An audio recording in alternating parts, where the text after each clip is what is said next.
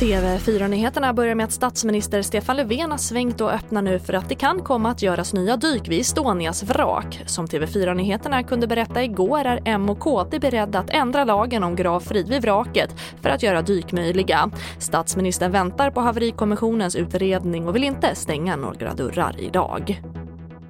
Och beskedet om att LAS-förhandlingarna återupptas imorgon välkomnas brett av politikerna. Men efter att de tidigare förhandlingarna kraschat så är förhoppningarna från facken och arbetsgivarna låga inför omstarten. Jag tror det blir jätte, jättesvårt.